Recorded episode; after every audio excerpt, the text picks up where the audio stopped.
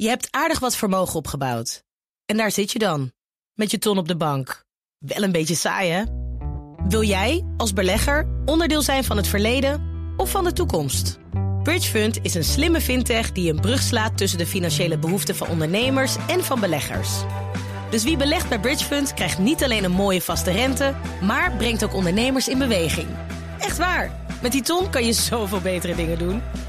Bridgefund. Make money smile. DNR Nieuwsradio. Boekenstein en de Wijk. Hugo Reitsma.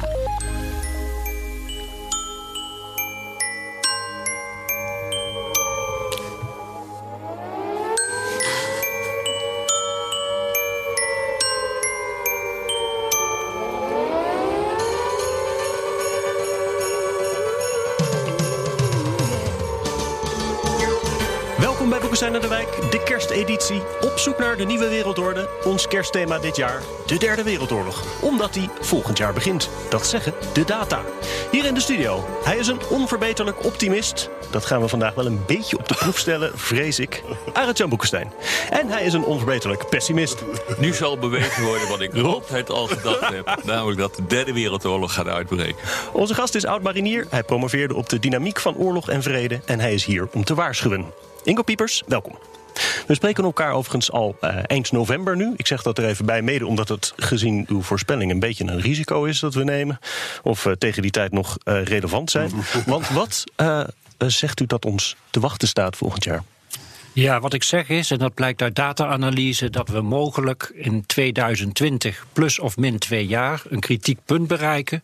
Dat wil zeggen dat het systeem een systeemcrisis genereert, laten we het de derde wereldoorlog noemen, waarin het systeem zich gaat reorganiseren naar een volgende internationale ordening, de VN 2.0 noem ik het dan maar. Die VN 2.0 klinkt prima, maar wat daarvoor komt zou dus een, een derde wereldoorlog daadwerkelijk zijn. En dat zegt u op basis van een kloek boek. Ik sla er maar even mee op de tafel met heel veel uh, statistiek. Ik zie verschillende pieken en wij zitten dan voor zo'n enge grote piek? We zitten voor zo'n grote enge piek. Wat ik heb gedaan is, ik heb data geanalyseerd van de periode vanaf 1480 tot 1945. Daar blijkt uit dat het systeem tot vier keer toe een oorlogscyclus heeft gegenereerd. Een relatief stabiele periode, gevolgd door zo'n systeemoorlog waarin het systeem reorganiseert. Dat bereikte zijn hoogtepunt in de Tweede Wereldoorlog. Dat heeft de eenwording van Europa opgeleverd. Een globalisering van het systeem. En we zitten, ons, we zitten dan nu, blijkt uit die data-analyse, in de eerste cyclus van een volgende serie waarin het systeem toewerkt naar een eenwording op globaal niveau. Arjan, ik kijk even naar jou als, als historicus. Zo'n zo soort determinisme, dat lijkt me vloeken in de historische kerk. Nou ja, om te, kijk, wat ik er heel aardig aan vind, het geeft je een mogelijkheid om gestructureerd naar het ritme van de geschiedenis te kijken. En alleen al daarom is het waardevol. Hè? Wat historici natuurlijk wel altijd zeggen, is dit van. De wetten van de thermodynamica die bestaan, hè, planeten zijn zich daar niet bewust van, maar ze handelen er wel naar. Het grappige met mensen is dat mensen zich bewust zijn, kunnen bewust worden van modellen en van theorieën. En dat vervolgens, dus dat de voorspelling ook weer het gedrag van mensen beïnvloedt. Hè. Dus theoretisch zou je kunnen zeggen dat mensen hier zo van onder de indruk raken. En dat leiders van grote mogen zeggen van nou, dit leidt toch wel tot allemaal spanning. Moeten we niet met elkaar gaan praten? En zouden we bijvoorbeeld die hervorming van de VN toch maar moeten gaan regelen. Uh, dus dat, dat, is, dat zou mijn kritiek zijn. Overigens, als je erover nadenkt, als je kijkt naar het lidmaatschap van de VN tegenwoordig, er zit Engeland en Frankrijk er nog in, wat natuurlijk een volstrekte merkwaardige situatie is. Je mm -hmm. ook bedenken dat Frankrijk en Engeland dat nooit opgeven. Dus waarschijnlijk is er inderdaad een enorme crisis voor nodig om dus dat om de VN te hervormen. En dat zou dus heel wel degelijk een vorm van een oorlog kunnen hebben. Ja, in het verleden hebben we nog geen kans gezien om ons te reorganiseren, zeg maar de machtsverhoudingen in overeenstemming te brengen met de realiteit, zoals die is vastgelegd in een internationale orde. En in het verleden deden we wat met oorlog. Het is een anarchistisch systeem. Ja, en het ziet er naar uit dat we op weg zijn naar zo'n reorganisatie. Rob, jij doet met jouw Haag Centrum voor Strategische Studies ook veel met data. Hè? En, en dan op basis daarvan analyse. Dus spreekt dit jou aan? Op zich uh, spreekt het mij enorm aan. En ook de conclusie dat je in de richting van een systeemcrisis gaat. Dat blijkt ook wel. Dat vertel je hier elke week. Ja, dus, dat blijkt ook wel uit onze ja. data. en de systeemcrisis wordt dan kennelijk hier gedefinieerd als een een, een crisis waarbij eigenlijk alle grootmachten betrokken eh, zijn. Dus uh, de, de Tweede Wereldoorlog. Dat is wel even belangrijk, denk ik, om dat uh, in het achterhoofd te houden. maar dat je op dit ogenblik in de richting van een systeemcrisis gaat, dat is wel helder. als je kijkt naar wat er gebeurt in de Zuid-Chinese Zee. Als je kijkt wat er met gebeurd is in, 19, in 2014 met de annexatie van de Krim, het gedoe van Rusland in Oekraïne. dat is in het jargon wat wij gebruiken ook een systeemcrisis. jij gebruikt een iets andere definitie daarvoor, maar uh, dat zou dus kunnen betekenen dat dat inderdaad de opmaat is naar een veel grotere crisis. En de grote vraag is: hoe gaat die uitbreken of niet? Ja, dan is het wel lastig om uh, gebruik te maken van laten we zeggen, statistieken. Je hebt lies, bad lies en statistics.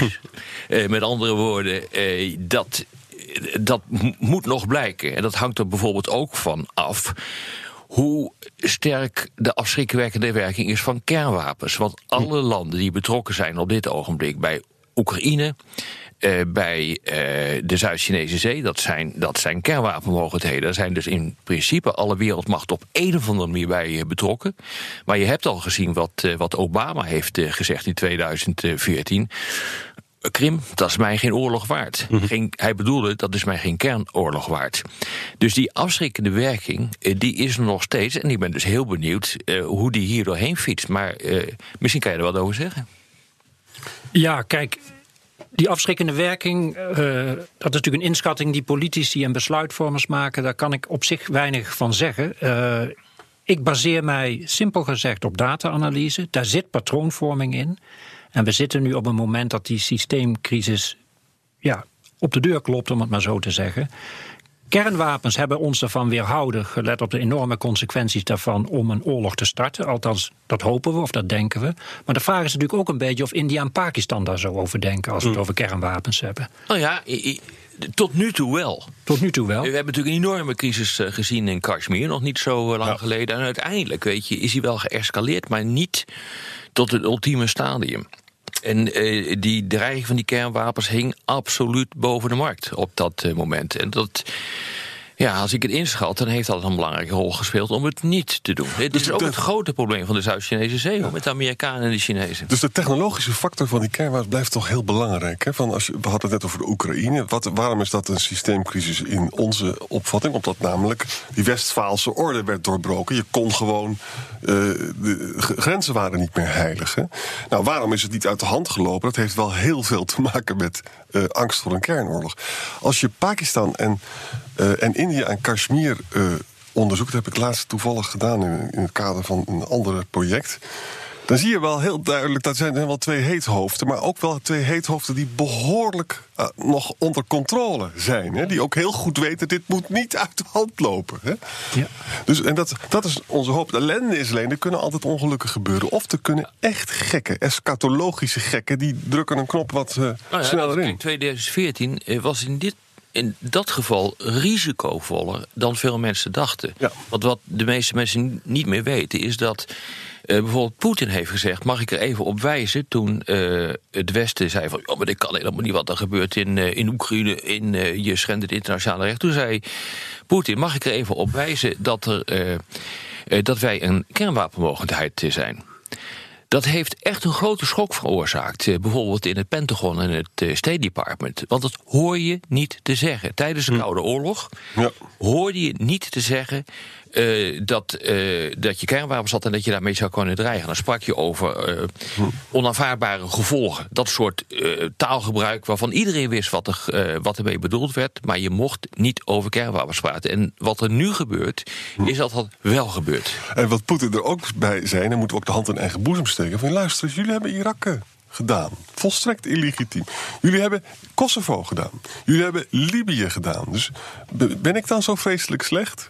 Dat is het verhaal dat we ook niet willen horen. Nou ja, met andere woorden, als je dus zo redeneert, eh, dan is het interessant dat jij dus een aantal van die golfbewegingen in de geschiedenis hebt uh, aangegeven.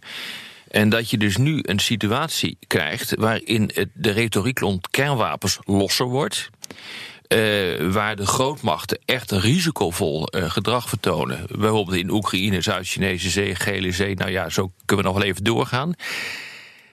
Het interessante is dat dus via een andere weg eh, je tot een conclusie komt eh, die zeg maar de, de data-analyses bij mijn instituut, Centrum voor Strategische Studies in Den Haag, eigenlijk, ja, wij komen tot diezelfde conclusies.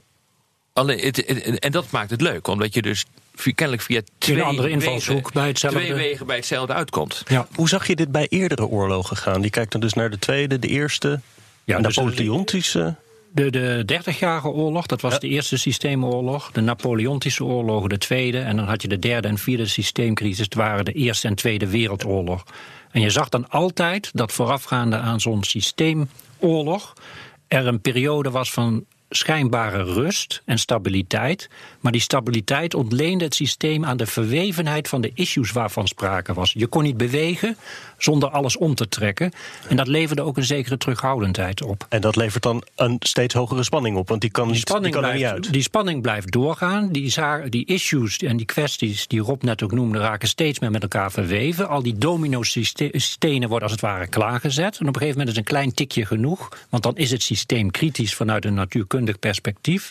En dan valt alles om in een grote klap. En wat geeft dan een tikkie? Want je hebt wel onvergelijkbare dingen. Een, een, een, een eh, moord in Sarajevo of een invasie van Polen, zeg maar. Dat zijn hele andere dingen, toch? Strikt genomen maakt dat niet eens zoveel uit. Dat is een toevallig, zou je kunnen zeggen, incident. wat vervolgens een kettingreactie in gang zet. Kabinetten vallen ook over bananenschillen. Ja. Die eigenlijk gewoon helemaal niks voorstellen. Over de grote issues val je niet. Maar je valt over iets onbenullers. En inderdaad, eh, eh, zo die, die, die, eh, die moord op de kroonprins. die de aanleiding zou vormen tot de Eerste Wereldoorlog. Ja, dat was gewoon eigenlijk een sluitstuk van een hele serie incidenten. Hè? Met andere woorden, ja, dat, dat, je weet nooit precies welk moment echt de tipping point gaat, gaat vormen. Maar wa- waarschijnlijk is iets onbenulligs. En, en welke rol speelt eh, eh, gemeenschappelijke waarden en normen en legitimiteit? De 19e eeuw was veel vreedzamer dan de 18e eeuw en de 20e eeuw. Hè? En een van de redenen daarvoor, in het Weens congres, was dat er de grootmachten er met elkaar over eens waren dat, je, dat ze de legitieme prins moest wel blijven bezitten. Dus ze hadden gemeenschappelijke opvatting over hoe je een staat zou moeten inrichten. Nu is het zo dat we absoluut geen gemeenschappelijke waarden en normen hebben. Dat mensenrechten in China heel anders gelden en dat democratie ook heel controversieel is. Dat maakt het dus instabieler nu dan in de 19e eeuw. Ja, je zou je kunnen ook, ook kunnen afvragen als je kijkt naar de ontwikkeling van het Europese statensysteem tussen 1480 en 1945. Dat begon natuurlijk ook met een gefragmenteerd Europa bestaande uit 300 mini-staatjes. Waar het ging over hele. Eh, ja, over basisnormen en waarden. Hè. Vaak waren die ook religieu- eh, religieuze eh, overtuigingen. En we zijn nu een beetje terug, maar dan op globale schaal, naar een soortgelijke situatie. Er is een hoge mate van fragmentering. En wat eigenlijk ter discussie staat, is een aantal basisbeginselen op basis waarvan wij een volgende ordening zouden moeten inrichten. Ja. Dus je zou ook kunnen beargumenteren dat misschien een eerste systeemoorlog in deze nieuwe cy- cycli van oorlogen, dat, dat, ehm, dat, dat, dat die meer zal lijken op de 30-jarige oorlog qua structuur dan op de Tweede Wereldoorlog. Maar Is in dit een geruststellende gedachte of niet? Ik zit Nou, even te... Ik denk het niet. Maar, religieuze oorlogen zijn de meest bloedige die er zijn. ja, precies. Met die gedachte gaan we even naar de reclame. BNR Nieuwsradio. Boekenstein en de Wijk. Op zoek naar de nieuwe wereldorde. Dit is Boekenstein aan de Wijk. En dat programma is natuurlijk niet zonder Arend-Jan Boekenstein en Rob de Wijk. Mijn naam is Hugo Reitsma en onze gast Ingo Piepers schreef... On the Thermodynamics of War and Social Evolution... te downloaden via de website. En eerder 2020 Warning over een aanstaande systeemoorlog. En ik zie bij Rob en Arend-Jan nog steeds enige twijfel... over of je dat nou werkelijk kan voorspellen. Nou ja, ik, wie was het nou ook weer? Was het nou Mark Twain of Yogi Bear? Ik Mark weet het Twain, niet. Mark Twain. Mark Twain die zei van voorspellen is moeilijk, vooral van de toekomst. en eh, dat is natuurlijk ook zo. Eh, met andere woorden, eh, je kunt niet 100% zeker zeggen dat het die kant op gaat. En dat die wetten van die thermodynamica nog steeds functioneren. Omdat er natuurlijk ook een hele andere internationaal politieke en strategische context is eh, ontstaan. Met nieuwe wapensystemen. Hè. We hebben het net al gehad over kernwapens. Dus dat zou best kunnen zijn dat het daardoor doorbroken wordt. Ik bedoel, het kan nooit zo zijn dat daar, dat, dat een absolute wetmatigheid is dat dit gaat gebeuren. Ik, Maar- trouwens, ik hoop ook trouwens dat dat niet gaat gebeuren. Mark- Ondanks Mark dat Twain eh, continu de oorlog eh, voorspellen. Mark Twain zei de geschiedenis herhaalt zich niet, maar rijmt. Hè? Dus er bestaan wel degelijk structuren. Maar het probleem is dat mensen zichzelf daarvan bewust zijn. Maar nou nog een ander punt. Hè? Van het is, de, de, de wereldorde is anarchisch. Hè?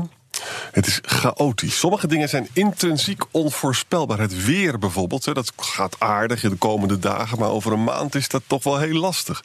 Ik zou zeggen dat sociale wetenschappen nog moeilijker zijn. Dat er nog meer variabelen zijn. En dat de agenten van die, die rondom de actoren... zijn zich ook weer bewust van allerlei ideeën... en dat beïnvloedt hun gedrag. Ja, maar Arend-Jan, dit gaat niet over het weer, dit gaat over het klimaat.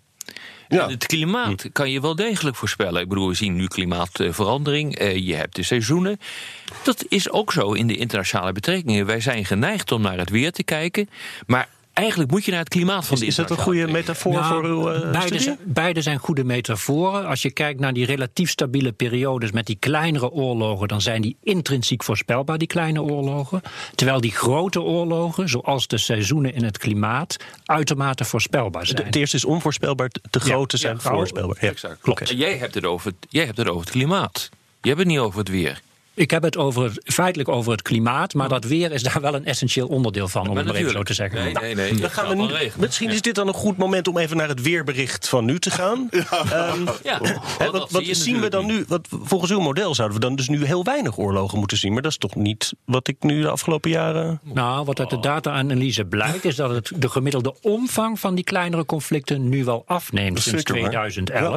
2011. Ja. En, en dat is het hele probleem, die oorlogen reguleerden spanningen. Dat gebeurt niet meer en je ziet nu een enorme spanningsopbouw. En dat zou een verklaring kunnen zijn voor de politieke volatiliteit. En wat is dan die spanning? Ik bedoel, ja, ik voel hem wel. Maar is dat eh, Trump, is dat Poetin of is dat eh, de opkomst van China? Wat zijn manifestaties daarvan? Trump Ja. was voor 2011 de, de keer daarvoor ook niet verkiesbaar. In 2016 was hij dat wel. Hij gaf toch het idee dat hij een bepaalde zekerheid zou kunnen bieden, want mensen worden steeds onzekerder. Het establishment wordt door hem gedisqualificeerd als de oorzaak van de problemen die we nu hebben. Dat is niet juist, maar dat is natuurlijk waar hij op inspeelt. Dus die hele onrust, die onzekerheid die we allemaal voelen, dat is typisch voor deze periode, want die spanningen kunnen ook nergens meer naartoe.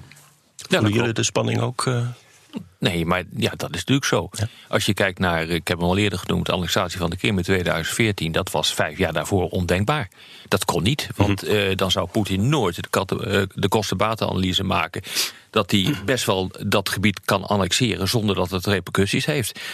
Maar bijvoorbeeld eh, de financiële crisis, die in 2009 echt zo manifest werd, die heeft de, de neergang van Amerika versneld. En daardoor konden eh potentaten als Poetin, maar ook Xi Jinping, die konden gewoon veel meer speelruimte creëren in het buitenlands beleid. Ik bedoel, dat zijn wel vaststaande gegevens. Dus in die zin ga je naar systeemverandering toe. En dan kan je het een beetje misschien verbinden met dat interessante boek van. Hè? Ja. Die zegt van eh, in de afgelopen, zeg maar vanaf 1500 zijn er dus eh 15 16. conflicten of 16 conflicten geweest tussen de hegemoon en een opkomende hegemoon. Dat ging 12 keer ging dat fout. Ja. Dat is een behoorlijke indicatie. Dus, dus zeggen heel veel mensen nu van tussen China en Amerika gaat het fout in de Zuid-Chinese zee. Dat hoeft helemaal niet zo te zijn, maar het is reden genoeg om het te onderzoeken. Nou, wat zijn nog de andere grote vragen van deze tijd? Ik zou denken van de Atlantische Bondgenootschap, dat in het verleden ongelooflijk belangrijk is geweest, is echt dood, hebben wij gezegd in deze uitzendingen. De, de, afschrikking ligt op zijn gat. Nou, nu is de grote vraag: kan Europa zijn act together krijgen? En als dat niet gebeurt, nou, dat zou zomaar kunnen, en Trump wordt ook herkozen, dan ontstaat er dus een machtsvacuum in Europa zelf. Dat valt misschien wel uit elkaar. Wat, hoe zal Poetin daarop reageren? Hoe zal Xi daarop reageren? Dat zijn denk ik de grote vragen. En, en Arjan, het gaat hier niet meer over. Ja, wij hebben er toevallig over. Maar in het publieke debat, in het politieke debat gaat het er niet over. Ik meen dat er net een eh, discussie is geweest eh, in de Tweede Kamer over kernwapens. Eh, ik ben er niet bij geweest, maar wat ik daarvan eh, gehoord heb... is dat dat vooral ging over het gevaar van de opslag van kernwapens in Nederland. Maar dat is natuurlijk de discussie niet. De echte discussie is, waar heb je die dingen voor nodig? Ja. En welke rol spelen ze in die veranderende wereldorde die we op dit ogenblik zien. Zijn ze dan stabiliserend of destabiliserend? Nou, ik zie daar geen enkele discussie over. Dus je ziet ook, eh, dat in het publieke politieke debat dat dit gewoon eigenlijk een, een non-onderwerp is. Ook omdat het complex is hoor. Kunnen we ook eh, naar een nieuwe wereldorde zonder oorlog? Want nu, nu met deze voorspelling is het misschien wel handig te weten of je ook op een andere manier die spanning uit het systeem kan Nou, krijgen. tot op heden is ons dat niet gelukt. Aha. Dat kunnen we in ieder geval vaststellen. De data-analyse, ja, zoals ik zei, wijst erop dat we weer voor zo'n moment zitten. En laten we hopen dat het verstand zegeviert. Dat we om tafel kunnen gaan zitten.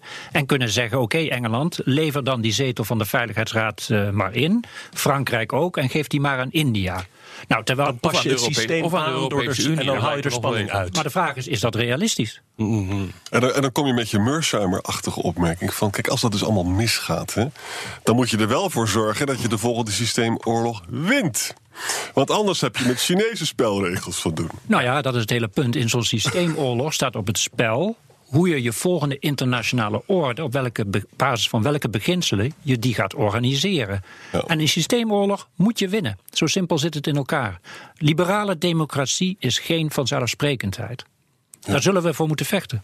Ik zie hier wel in, in, het, in het wat grotere plaatje dat u hier heeft gemaakt, zie ik die, die piek van die oorlogen steeds groter worden. Dat, dan, dan zou ik denken dat als er nog een grotere piek komt, dan wint helemaal niemand. Nou, dat is een goede opmerking. Maar deze vier cycli, waar jij nu naar wijst op dit plaatje, heeft betrekking op, eh, op eh, de eerste vier cycli tot 1945. En we zijn een beetje opnieuw beginnen met een soortgelijke dynamiek. En de eerste piek is niet zo hoog als de laatste piek was. Dus in die zin, als het gaat over het aantal slachtoffers, voorspelt dit model dat dat lager zal zijn. Maar is het uiteindelijk. eerste goede nieuws van deze uitzending. eh. Nou ja, ja, even om misverstand te voorkomen. Ik hoop niet dat deze oorlog plaats gaat vinden. Ik Nee, ben- dat begrijp ik. de- voor de duidelijkheid. Dit, is wat, dit is gewoon wat de cijfers eh, Ja. zeggen. Het Nee, punt kijk- is, en dat zie je ook in Europa. Europa heeft zichzelf opgeblazen in 1939. Heeft zichzelf helemaal vernietigd. Daar is de eenwording van Europa uit voortgekomen. Maar dat vacuüm dat werd gecreëerd is tijdelijk ingevuld door de VS en de Sovjet-Unie. Binnen die context heeft Europa zichzelf kunnen repareren en zijn die instituties, althans is het fundament gelegd voor die instituties, om die eenwording, en daar worstelen we nu nog mee, gestalte te geven. Terwijl we daarmee bezig zijn, neemt Engeland al afscheid van Europa, want die willen zichzelf blijven bewijzen als een great power die recht hebben op die zetel in de Veiligheidsraad. Dat is natuurlijk het systeem Ja. wat dat. Nee, maar jouw vraag was ook van, eh, is het nou vermijdelijk of, onver- eh, of onvermijdelijk? Natuurlijk is het vermijdelijk, altijd per definitie. Eh, we gaan de verkeerde kant op. Eh, ik, ik raad je aan om naast het prachtige boek bijvoorbeeld de strategische monitor eh, te lezen, eh, die het Centrum voor Strategische Studies, mijn club en Klingendaal maken. Elk jaar. Hartstikke leuk is dat. En dat is gebaseerd op dit soort data-analyse. En dat ondersteunt ook het feit dat je dus naar een crisissituatie eh, gaat. Maar tegelijkertijd moet je constateren dat het mensenwerk is. En realiseer je wat er bijvoorbeeld in 1989 is gebeurd, het einde van de Koude Oorlog. Dat is ook in zeer belangrijke mate gebeurd omdat twee leiders, Gorbachev van de Sovjet-Unie en Reagan van Amerika, zeiden van laten we ophouden met deze flauwekul. Dat kan. Je kunt dus leiders hebben die zeggen van laten we ophouden met deze flauwekul. En dan gebeurt er dus niks. Dat kan dus inderdaad in de internationale betrekking. Gebeurt niet vaak, maar het kan. Ja, weet je, in- de geschiedenis komt het nooit voor dat een grote mogelijkheid zomaar dingen opgeeft. Gorbachev heeft dat gedaan. Dat was voor Mersheimer ook een paar nachten slecht slapen. Want dat, een realist kan dat niet Ja, voorspellen. want dat klopt er niet volgens de theorie. Nee, daar had een oorlog uit moeten breken. Ja. Ja. Het is een klein moment van hoop eigenlijk. Ja. Dan Ja, moeten we wel ermee stoppen. Wel jammer eigenlijk hoor. Ja. Voor, voor de radio zijn we door de tijd heen. ja, met de op de podcast gaan we nog even door met luisteraarsvragen. Eh, de van, van poppers kritiek op het historisch materialisme waren er vragen... tot of de oorlog uitbreekt voor of na het EK voetbal. Luistert u op de radio, dan verwijs ik naar iTunes, Spotify of bnr.nl. Hans, die, die reageert opgetogen op de aankondiging van dit programma... en zegt het zou eens tijd worden, ook die oorlog. eh, want het uitblijven ervan tast de geloofwaardigheid van de heer De Wijk... inmiddels ernstig aan. En ook nog vragen of de oorlog dan voor of na de Amerikaanse verkiezingen. Dat is misschien nog wel een serieus punt. Want eh, Trump is wel een factor in dit geheel natuurlijk. Ja, kijk, het, wat deze, dit, deze analyse eigenlijk zegt is... ook al was Clinton president geweest... dan had je dezelfde crisis gehad. dat- Het was een andere variant geweest. Ja. Dus in die zin speelt Trump wel en niet een rol. En dat is meer... Ja, hij trekt aan bepaalde touwtjes... maar hij is niet de oorzaak van Nee, de en als Trump iets niet wil, is het oorlog voeren. Dat Ja. heeft dus meteen ook enorme gevolgen voor de NAVO die daarmee op zijn gat ligt. Ja.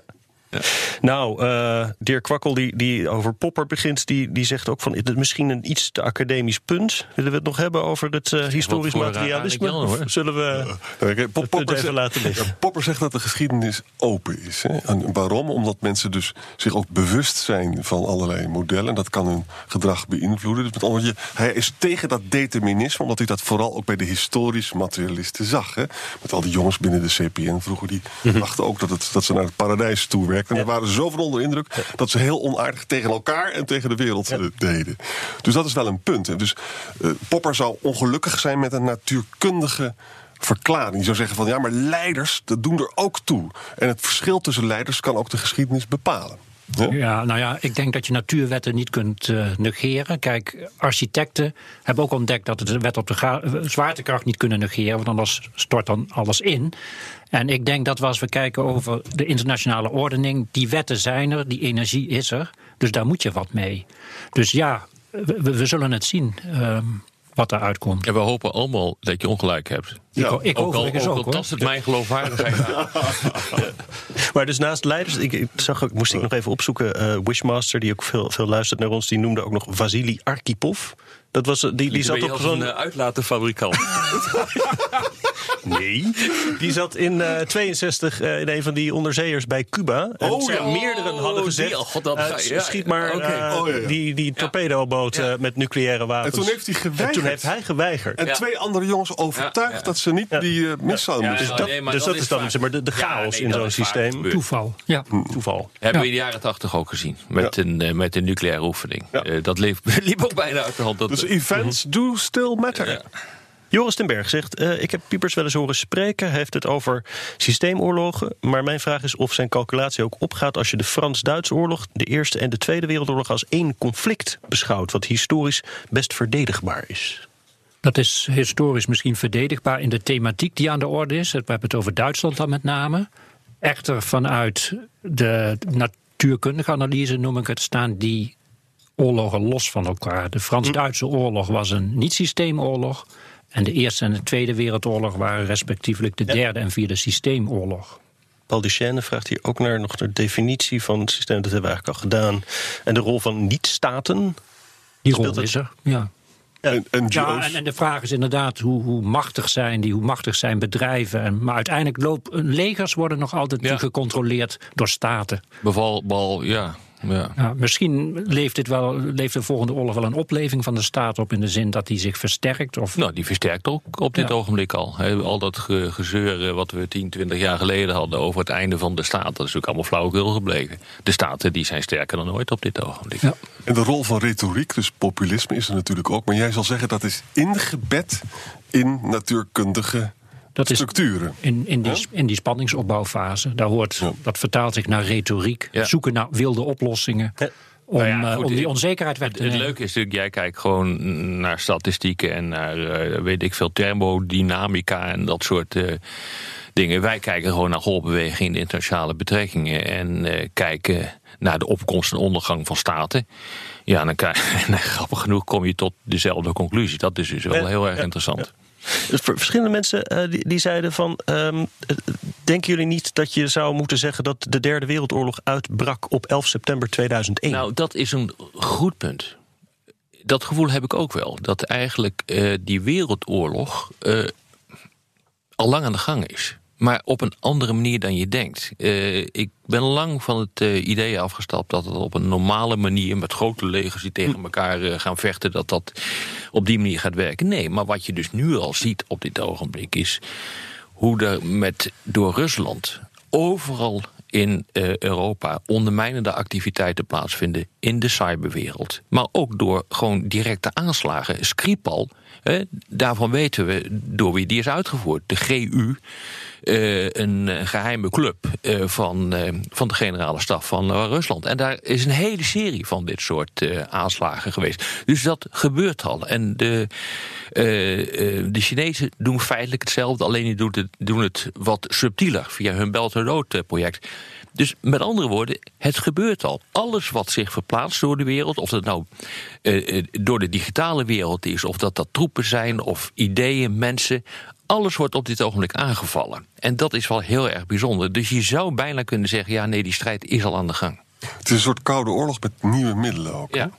Nou, het zit, eh, nou Arend-Jan, het zit bijna tussen de koude en warme oorlog in. Het, is, het zijn uh, aanvallen die worden gevoerd die onder het niveau zitten van artikel 5 van het NAVO-verdrag. Oftewel collectieve verdediging. Dus je, je reageert er ook niet, uh, niet op. En dat is wel echt.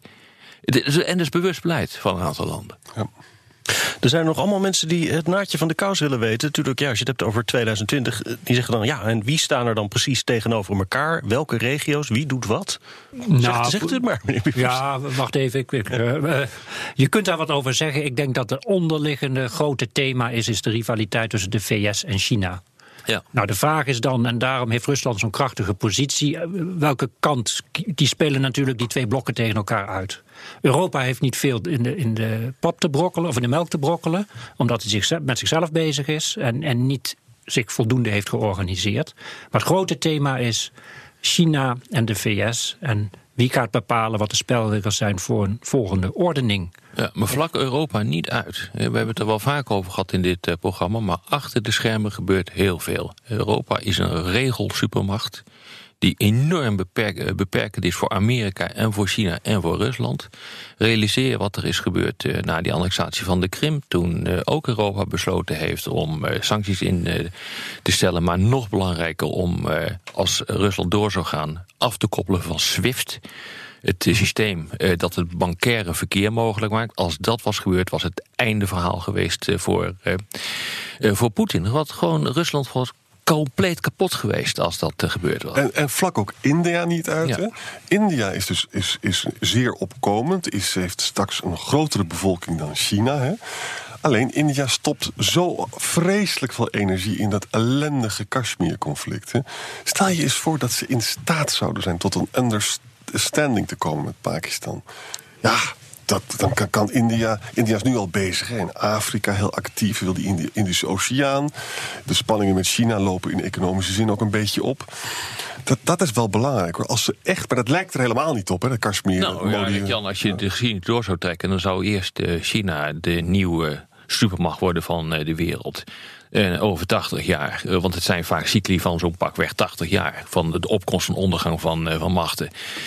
dan zou India daar de opvolger van kunnen zijn. Als je ziet wat voor klerenbende het er is in dat land. Met betrekking tot bijvoorbeeld de infrastructuur. Waar je gewoon continu tegen elke koe aanrijdt die maar op straat staan. En waar je dus gewoon eigenlijk niet. niet kunt doorpakken in dat land. nou, dat, dat duurt denk ik 50, 60 jaar voordat dat land zich zo ontwikkeld heeft dat het een uitdaging kan vormen voor, voor China. Maar laten we zeggen, als je het als je het echt een kristallenbol zou willen nemen, dan zijn dat geen onrealistische scenario's. Ja. Ik weet eigenlijk niet meer wat ik moet zeggen hierover. Uh. Nou, zeg dan maar niet. Dit was weer Boekenstein in de Wijk. Uw licht in donkere dagen. Namens Arend-Jan Boekenstein en Rob de Wijk zeg ik dank voor het luisteren. Speciale dank aan Ingo Piepers. Boekenstein en de Wijk wensen nu een fijn uiteinde. Geniet er nog maar even van.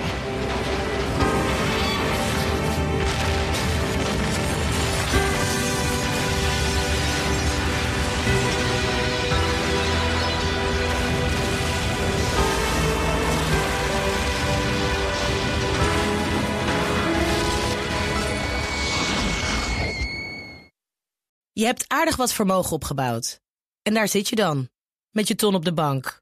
Wel een beetje saai, hè? Wil jij, als belegger, onderdeel zijn van het verleden of van de toekomst? Bridgefund is een slimme fintech die een brug slaat tussen de financiële behoeften van ondernemers en van beleggers. Dus wie belegt bij Bridgefund krijgt niet alleen een mooie vaste rente, maar brengt ook ondernemers in beweging. Echt waar, met die ton kan je zoveel betere dingen doen. Bridgefund. Make money smile.